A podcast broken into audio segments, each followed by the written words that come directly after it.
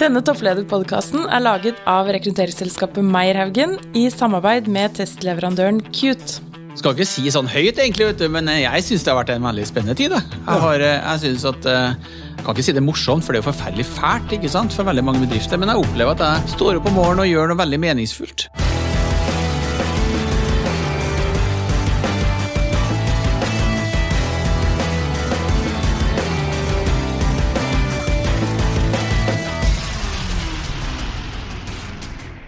Ja, Bård, i dag er vi så heldige at vi har en ordentlig storfisk i studio.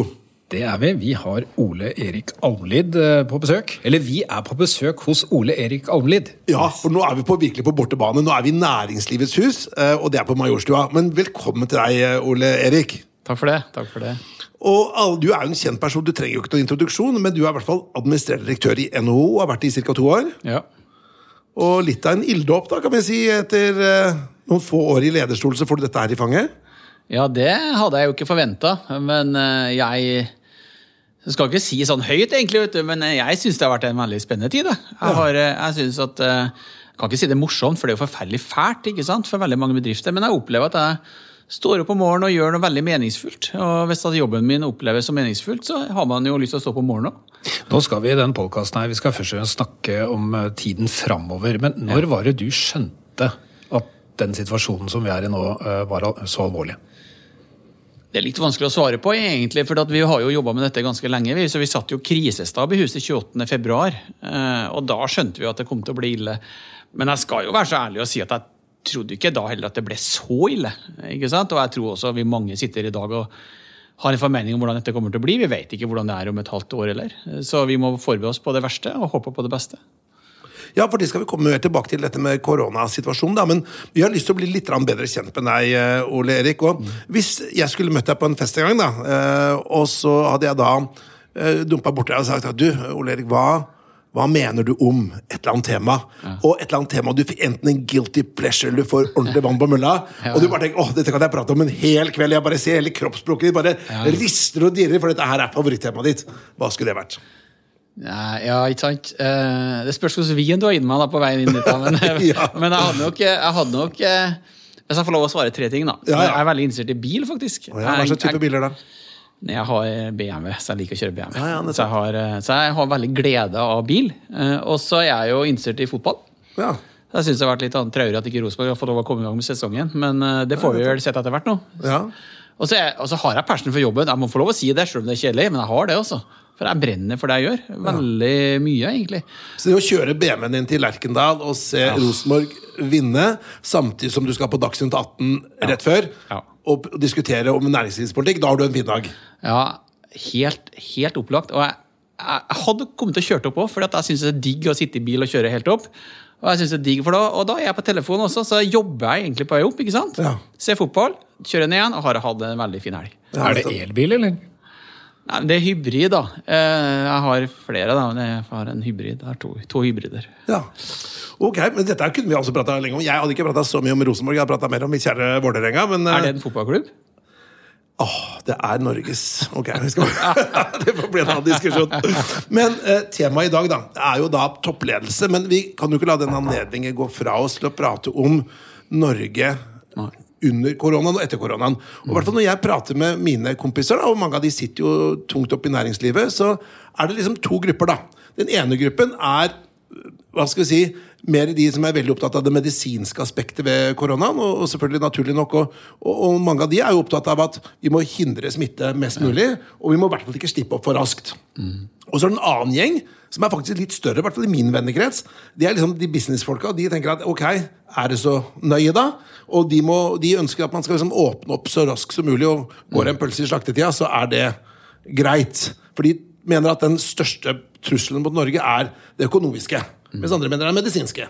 Hvor, hvor plasserer du deg selv i dette landskapet?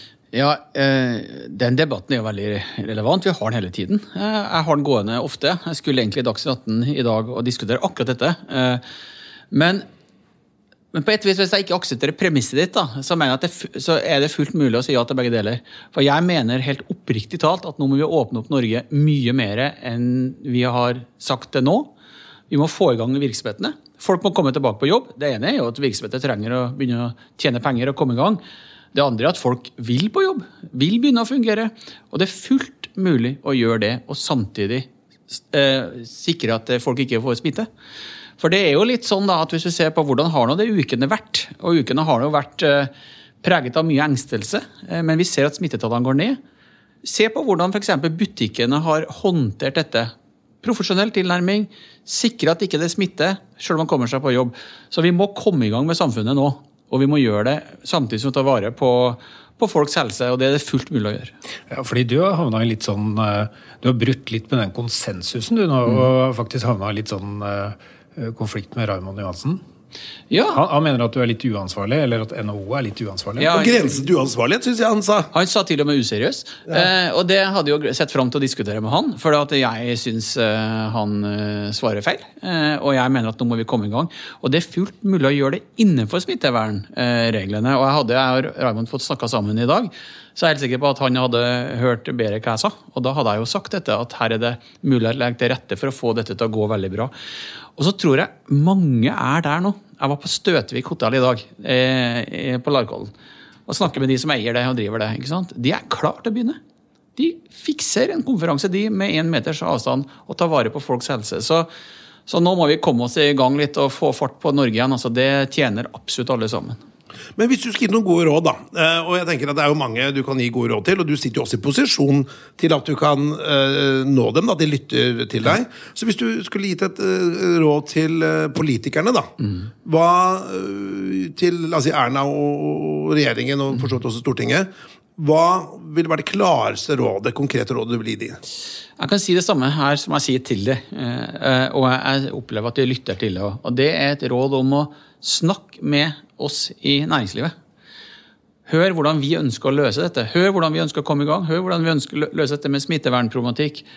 Men hør også hva som skal til nå for at vi kommer i gang for fullt. Og jeg opplever at Erna og de, alle sammen hører på oss. De ønsker å legge til rette for det. Og så er vi kanskje litt uenige om noen småting, men i store hele har vært veldig enige. Jeg, jeg, jeg, må si at, og det er ikke alltid jeg sier det her, har masse godt å si om politikere i Norge. Har vært fullt fokus. De ønsker å hjelpe oss de ønsker å hjelpe folk flest. Og dette dreier seg om titusenvis, hundretusenvis av arbeidsplasser. Det dreier seg om livsverket til folk flest. Eh, så her er det full samling, egentlig. Så jeg sier det til Erna, og resten av de svarer på det, syns jeg. Hvordan eh, vurderer du situasjonen akkurat nå, da? Er vi eh, Vi håper jo at vi ser noen lysglimt i, i markedet, da. Men er vi der sånn Du snakker jo med mange. Mm. Er vi over det verste? Ja. ja. Um, for noen er vi over det verste. De som ble stengt ned med en gang, mange av de i gang igjen. Frisørene i gang. Vi kommer til å etter hvert forhåpentligvis få i gang restauranter og hoteller. Men vi er ikke over det verste. Eh, og jeg er litt redd for at vi begynner å senke skuldrene nå. ikke sant? Nå drar vi og tar en pils og spiser litt eh, middag ute. Du sier, sånn. er det, tenker du smittemessig ikke over det verste, eller tenker du økonomisk? Det var økonomisk. Jeg trodde, eller, Vi er smitt skattemessig over det verste. Ja. Men vi er i forhold til økonomien ikke over det verste. Men når jeg sa det, hører dere hva jeg tenker på. ikke sant? Ja, jo, men Jeg er opptatt av å si at smittemessig er over det verste. Så registrerer jeg at medisinsk eh, faglig ekspertise sier at vi kan få sånne bølger igjen. Det skal vi være oppmerksom på, og da skal vi være helt klart å håndtere det. Men økonomien kommer vi å slite med i lang tid framover. Og mange bransjer kommer til å slite i lang tid. Jeg har sagt at vi kommer til å merke krisen i ti år. Og det er jeg helt sikker på. Og hvilke bransjer som du ser eh, fra ditt perspektiv er verst, eller hardest ramma nå?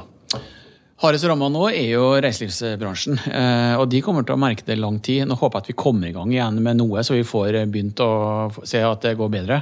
Altså jeg på alle sammen som hører på denne poden. Dra på ferie i Norge. Dra på ferie i Norge.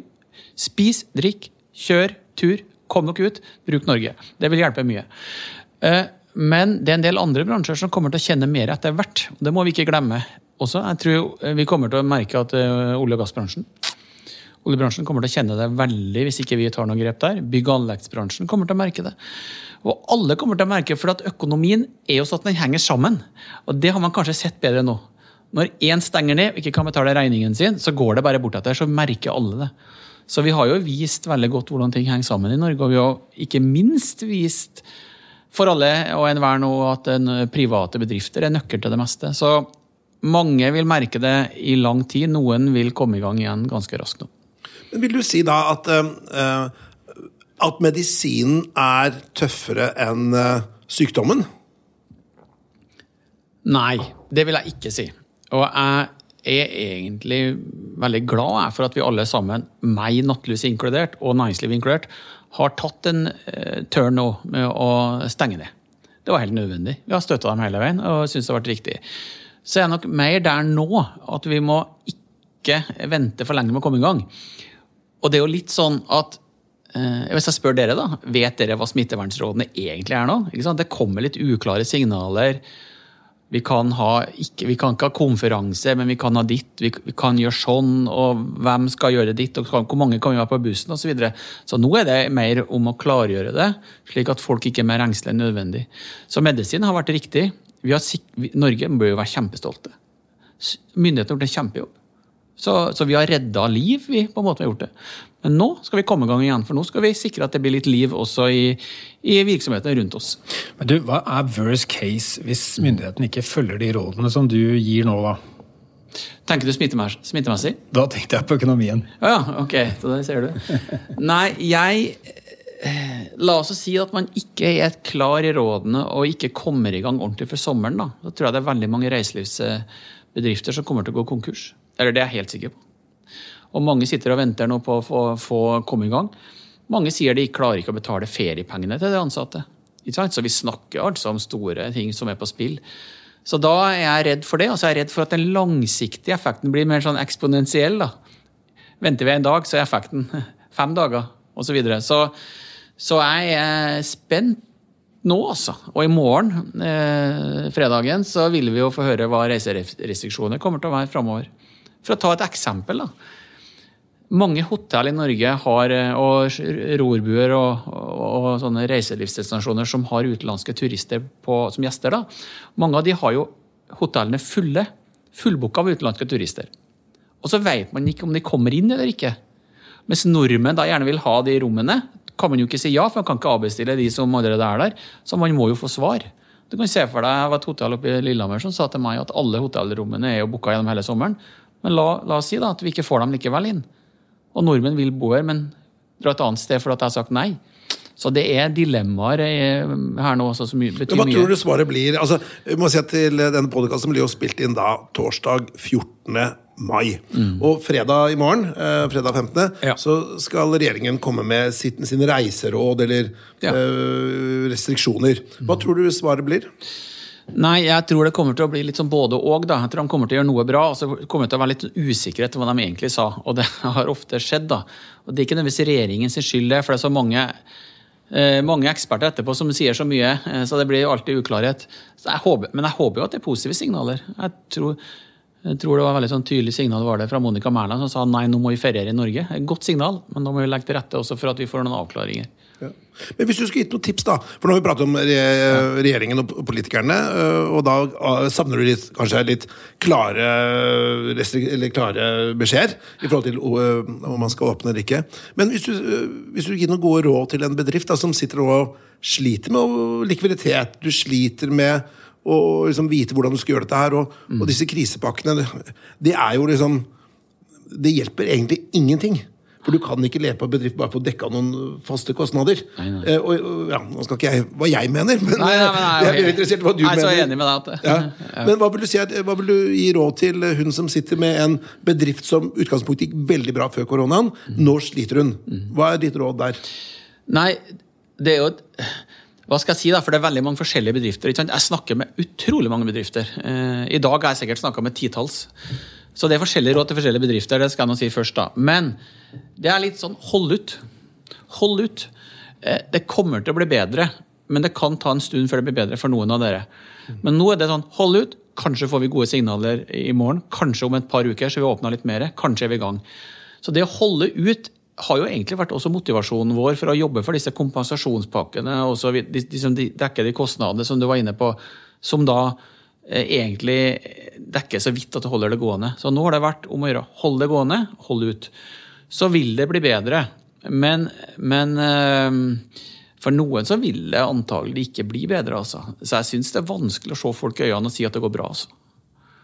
Ja, for det er ikke sant, hva skal jeg si, som du sier, at du kommer til å merke merke det er i ti år framover, da. Ja. Eh, men noen bransjer vil jo gå bra. Ja. Vi, ser jo, vi er jo et headhunterselskap, og vi Flere av, ja, Vi har jo kunder egentlig både innen reiseliv, der går det ikke så bra. Men så er vi innenfor for, eh, for mat, vi har innenfor IT-sikkerhet liksom Det er jo noen business som er uberørt, og noen som måte går opp. Så det er jo store individuelle forskjeller. Ja. Men eh, et annet spørsmål er dette med den nye normalen. er det jo mange som prater om da. Hva, og nye normalen er liksom eh, Veldig mange sier at Norge kommer til å bli helt endra etter dette. Hva tenker du om det? Ja, det, det sier man jo alltid. Altså, Den nye normale fins jo ikke noe normal. Bare se på hvor, hvor vi var for fem år siden, så ting endrer seg hele tiden. Sånn blir det. Og For noen kommer det til å være ganske likt, og for noen kommer det til å være helt annerledes. Som det alltid er. Og så tror jeg vi kommer fort tilbake til mye av det samme livet vi hadde for mange av oss. Men for noen så vil den nye normalen være, være veldig annerledes. Det betyr f.eks. at La oss at vi får en arbeidsledighet sånn som regjeringen sa i anslaget for revidert, nå på 5-6% Så betyr det at for ganske mange mennesker i Norge så vil de leve et liv uten jobb. Og lever et liv uten jobb, så ja, du taper penger naturligvis, men du klarer kanskje ikke å beholde huset ditt. Du klarer kanskje ikke å hjelpe barna dine med utdanningen som du har tenkt. Det er jo dramatisk. Så Og så går du veldig på selvtilliten løs. ja, for tenk, se på meg, meg og dere òg. Vi, vi lever jo litt for jobben vår. sant? Vi står opp om morgenen, kommer oss på jobb, føler at vi gjør noe meningsfullt. Har gode kolleger, eh, savner kaffemaskiner. Og så har vi ikke det lenger. Det er klart det er tøft, det. Eh, Så, det er, så vi må se enkeltmenneskene inni dette. og et sånn, et sånn godt eksempel på hvor ille det blir. Den der krisen som var på 80-tallet, som da førte til at mange mista jobben sin. og og mange kom seg ikke tilbake. Vi mista egentlig en generasjon av ungdom akkurat da. Som aldri kom seg inn i jobb igjen. Så Vi kan ikke ha det sånn, vet du. Så vi må ta vare på folk. Så for mange så vil den nye normalen være et liv eh, Kanskje et mye tristere liv enn man har hatt. Og Tenk på de da som har drevet Jeg har snakka med en drevet familiebedrift i femte generasjon. Var jeg usikker på om han klarte å få det til å gå. Skulle overlevere til sønnen sin og, sviger, nei, og, ja, og, og, og nye kona hans. Visste ikke. Det er, jo, det er jo tragisk. Så for mange vil det bli normalen som før, men for veldig mange så vil det være et helt annet liv. Og det skal vi ha respekt for. Vi skal se enkeltskjebnene oppi dette. Men hvis du skal gi et råd da til f.eks. Um, den som er blitt permittert og er i fare for å bli helt arbeidsledig, da. At du, du ser egentlig bare bedriften din forvitre. Uh, en ting er å holde ut til disse arbeids, uh, arbeidsgiverne, men hva disse arbeidstakerne, hva, hva slags råd vil du gi til de som er ganske fortvila oppi dette her? Ja, for det første så vil jeg si at et halvt år fram i tid så håper jeg mange er tilbake på jobb I, I og med at vi har 400 arbeidsledige, mange av de er permitterte, så jeg håper de er tilbake på jobb. Og mange er vel på vei tilbake til jobb òg, så jeg håper jo virkelig det. Men, men når vi spør bedriftene våre hva er viktigst, altså før koronakrisen, hva er viktigst for dere? Hva bør NHO jobbe mest med? Så svarer de tre ting. Kompetanse, kompetanse, kompetanse. De trenger kompetanse. Seks av ti av våre bedrifter sier at de mangler kompetanse. Og så har jo det vært dårlig nytt før, ikke sant? for det har jo gjort at bedriftene ikke har fått utvikla det de ønska å utvikle av nye ideer og utvikle virksomheten sin. Men akkurat nå, så la oss se på det som en litt god nyhet. da. At hvis du er arbeidsledig, eller frykter at du er utafor arbeidslivet i lang tid, da, hva kan du gjøre da for å heve, eh, utvikle din kompetanse? Kanskje skal du ta det fagbrevet du alle fikk tatt. Kanskje skal du ta det, det faget på universitetet som du alle fikk tatt. Og så kommer du deg i gang igjen, og så er det kanskje akkurat det som var nok til at du kom deg inn i jobb senere og fikk et veldig godt liv. Så, så kompetanse er nøkkelen til, nøkkelen til å fikse dette. Svaret ditt er kompetanse. Svaret på spørsmålet ditt er kompetanse. Ja, Altså, uh, Ole Erik, nå, uh, nå snakker du jo med to som jobber med rekruttering. Vi jobber Ja. jo likhet med deg, vi jobber jo tett på arbeidsmarkedet, så vi ser jo også at det er ulike ting som skjer med markedet. Noen øh, er usikre, noen prioriterer ikke rekruttering, men så er det faktisk Det skjer noe, noe er mer normalt. Ja. Men er det noe du sitter og tenker på at dette burde vi som jobber med rekruttering gjøre nå? Er det noe vi kan bidra med?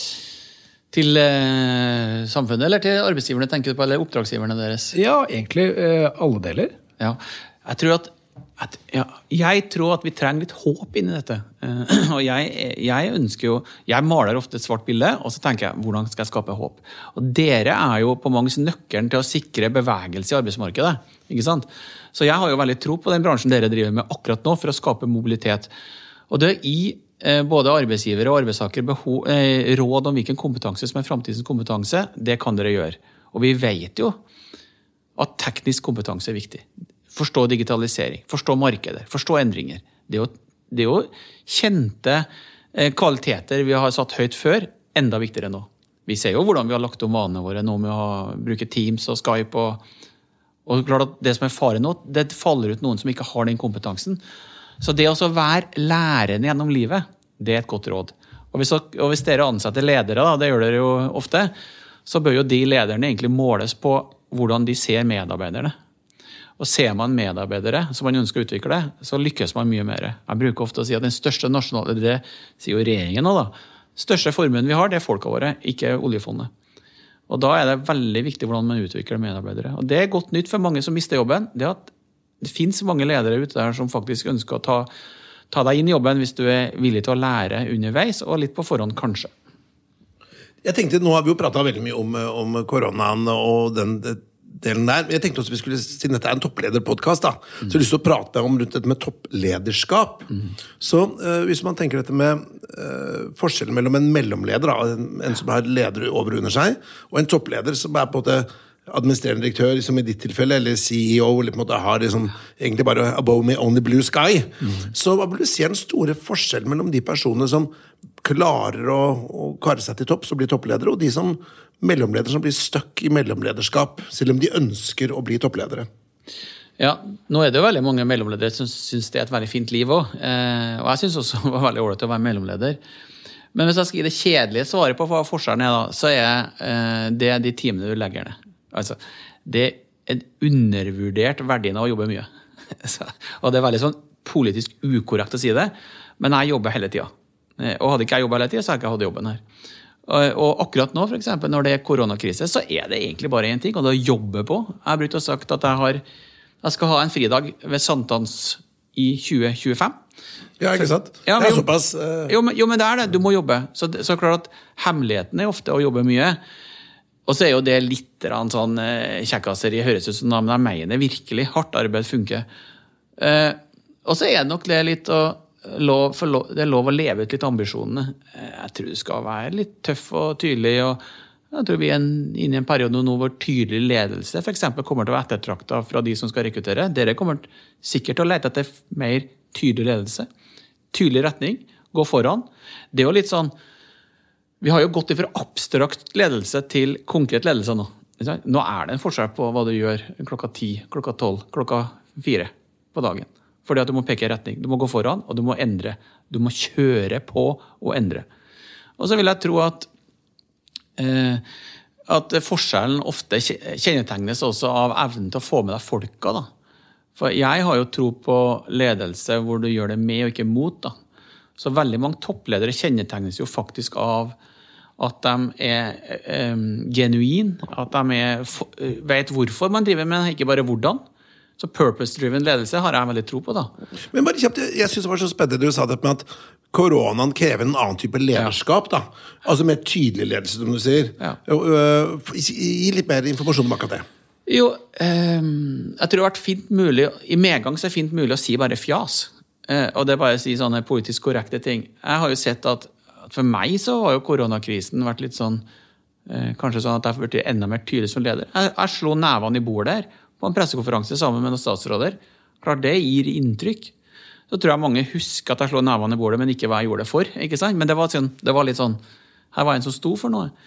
Jeg tror at når du skal endre en eller annen retning i en bedrift, da, så må du si ja, sorry, Mac. Vi må bli 50% færre. Eh, og så må vi kanskje bli 75% færre, for vi må ansette 25 eh, nye.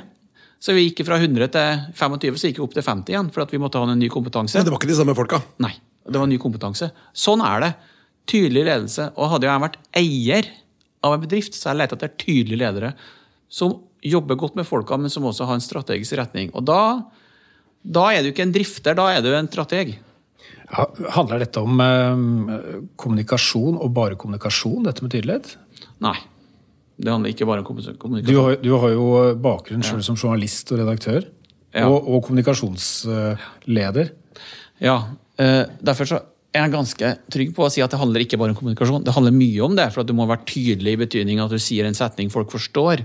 Men det er jo tydelig retning vi snakker om, det er tydelig strategi. Evne til å endre en strategi. Men, men vær sånn trygg på at Si eller kort, si det fort og kort, istedenfor å bable i vei, For eksempel, Det er jo kommunikasjon, men det er ofte knytta til strategi. De som babler mye, de har ikke en klar strategi, en klar retning. Men hvis du eksempel er bedriftsleder nå, da, eh, og uansett bransje, og så er man jo litt i tvil om hva som skal skje da. ikke sant? Altså, hvor lenge vil dette vare? Når kan man liksom forvente kunder inn? Og mm. Er det ikke litt vanskelig å være veldig tydelig eller bombastisk eller påståelig eller skråsikker? Er ikke, er ikke det tiden nettopp for å være liksom Ja, hva? jeg vet ikke helt. Ja, men tenk deg hva viktig usikkerhet er. Den, den, det å vise usikkerhet er også å være tydelig. Jeg hadde allmøter i huset her, ikke sant? for NHO kommer også til å falle inntektene fordi vi får mindre kontingentinntekter. Det er mye bedre for meg å stå på allmøte og si jeg er usikker. Det kommer til å bli tøft. Om det blir så tøft eller sånn tøft, det vet jeg ikke, men jeg kommer til å kutte kostnader. Det er jo å vise en usikkerhet. Men da er du tydelig. Så det er jo veldig sånn trygg, Du har tryggheten i det. ikke sant? Det, så jeg mener at hvis du ikke har svarene, skal du også være tydelig på det. Og det er noe man faktisk helt opplagt ikke kan ha nå. For vi kan ikke ha alle svarene. Og det tenker jeg jeg sa til sønnen min, han er 20 år. Du, du, kommer til å være den generasjonen hvor ikke svarene var opplagt. Det må du forholde deg til. Det kommer til å være spennende. Istedenfor at jeg var jo de siste 30 årene vi hadde alle svarene liggende på fatet foran oss. Men jeg, jeg tenker at jeg, jeg, har jobbet med rekruttering i over 20 år. Og jeg ser det er ganske stor forskjell på bedriftskulturer i bedrifter som er hva skal vi si, norske og norskeide. Eh, kanskje franskeide, noen amerikanske, engelske, spanske. Det jeg ser, er at norske bedrifter, nå maler jeg med veldig bred pensel, da, ja.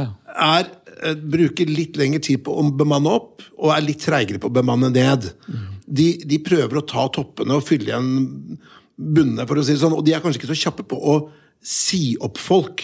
For det er litt mer sånn Ja, du er hva skal jeg si, du er ikke så knallhard på business, da. Vet ikke om det er bare fordom, eller hva tenker du rundt det?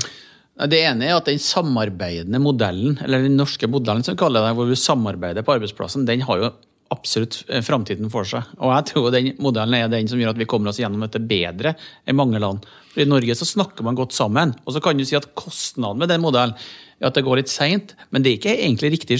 For det, der, det, det, er dokumentert at du f.eks. sammenligner med franske bedrifter, så går det ofte mye seinere. Fordi at man har ikke like stor mulighet. Så no, norske bedrifter har en omstillingsevne som er basert på at man samarbeider på en måte som gjør at man faktisk klarer det opp og ned ganske raskt. For hvis du ser på det, nå skal ikke jeg snakke mye om dette, men hvis du ser på børsen, norske børsen kontra børsene rundt omkring i Europa, så har vi mange av de samme selskapene, topp 25. Så kan man si er det negativt eller positivt. Det er kjempepositivt. For veldig mange av de har omstilt seg voldsomt gjennom mange av de 150-200 år. Men, men, er det ikke sånn at kanskje norske bedrifter er litt treige på å kutte i bemanningen? da?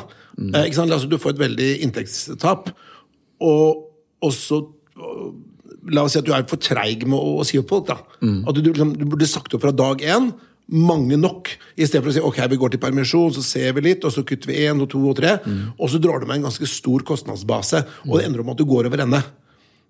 Men det er kanskje ikke fakta? eller bare noe... Nei, ja, det, nei, det kan jo ikke hende at, du har, at du, du kan jo ikke hende at det er noe i det. Men faktum er nok at vi etter denne perioden her kommer til å se veldig mye oppsigelser. Jeg tror vi kommer til å se at det er mange som har sagt opp.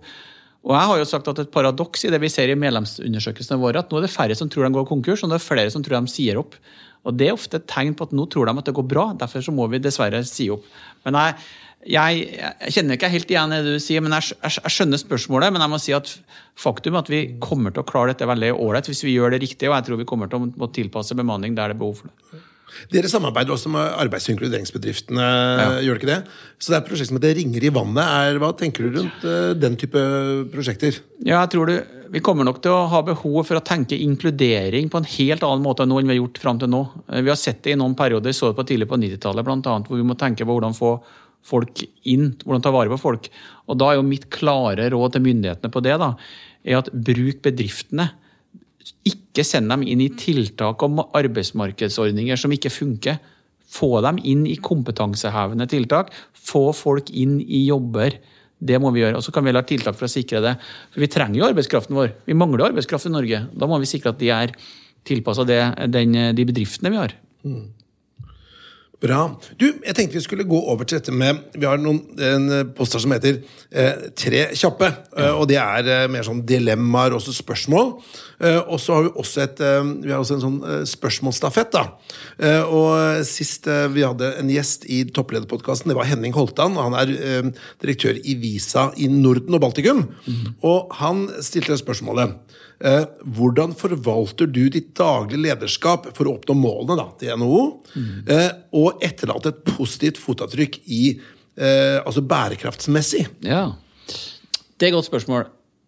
Det er jo egentlig det jeg driver med hele tiden. Og Hvis du definerer bærekraft av både sosial bærekraft, økonomisk bærekraft og miljømessig bærekraft, så er jo det de tre elementene jeg jobber med hele tiden. Det aller viktigste jeg kan gjøre da, for å svare opp spørsmålet hans, det er jo å jobbe for NHOs mål. Sikre at vi har levende, levende bedrifter som tjener penger, som sikrer at de kan betale skatt, så vi kan ha folk på skoler.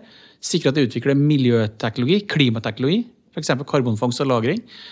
Og sikre at vi har, tar vare på folka våre. Det er økonomisk, miljømessig og sosial bærekraft. Det er det jeg egentlig driver med. Så det er jobben min. det. Bra. Eh, og du skal få anledning til å et, eh, eller sende et eh, spørsmål videre, men det tar vi eh, off air etterpå. Um, spørsmål nummer to her. eh, la oss si at Hva gjør du hvis du har en eh, medarbeider som ikke fungerer? da? Og er underpresterer, og det er helt tydelig at dette kommer ikke til å bli noe bedre. Nei, vi må jo jobbe med folka våre, ikke sant? og vi gjør jo det hele tiden. Så egentlig så bør du jobbe med det lenge før det kommer dit. ikke sant? Og det altså, Vi er jo ganske mange ansatte her. Og hver og en av dem betyr jo noe. Det har vi sett veldig tydelig i krisen her, så Vi må jobbe med folk, vi må gi dem sjansen til å lykkes. Og det er noe godt i alle. Det er noe godt i alle. Og så er det noen ganger at folk har, har et bedre liv utafor eh, arbeidsplassen eh, man er på, enn innafor. Og da må vi hjelpe dem videre, så de får et godt liv et annet sted. Det er vi også gode til. Ja. Men du er ikke redd for å ta på deg litt sånn de tøffe hanskene og sende folk ut? Nei da. Det, det, med tanke på at jeg har jobba i mediebransjen, så har man jo lært seg det. Ja. ja, og siste spørsmål her er eh, Det har du kanskje svart på allerede, men hjemmekontor eller eh, tilbake på jobb fysisk? Eh, tilbake på jobb fysisk. Hvordan håndterer dere det rent praktisk her i NHO? Er alle kalt tilbake til kontoret, eller? Alle er ikke kalt tilbake til kontoret, for at samtidig som jeg eh, er tydelig aktiv i debatten, så følger vi alle rådene ordentlig. Men det vi har gjort, er at vi har fått tilbake flere, og da har vi én meters avstand. Vi har brukt møterom. og og så har vi sånn at kanskje en avdeling innen én dag, en annen avdeling innen en annen dag. Så må jeg bare si, da, hjemmekontra kommer for å bli, men det må være i balanse. ikke sant? Så mange kommer til å jobbe hjemme eh, av og til, men det må være at du kan være på jobb også ofte. Du, jeg syns det har vært usedvanlig spennende, Bård. Veldig bra. Eh, Ja, og tusen takk, eh, Ole Erik. Eh, Jeg må bare si at eh, ja, Vi er jo medlemsbedrift i NHO, da, så det er veldig hyggelig at, eh, at man har en dyktig leder i, i, eh, der man er medlem, faktisk. Det må jeg si er, eh, Takk for det. betryggende. Takk for det, og takk for at dere er medlem. ja. Ok, men Tusen takk for praten. Og så er det bare å ønske norsk næringsliv og Norge lykke til. Takk for det, og takk det samme. Har du innspill eller kommentarer til denne podkasten, kan du sende en e-post til toppleder at meierhaugen.no.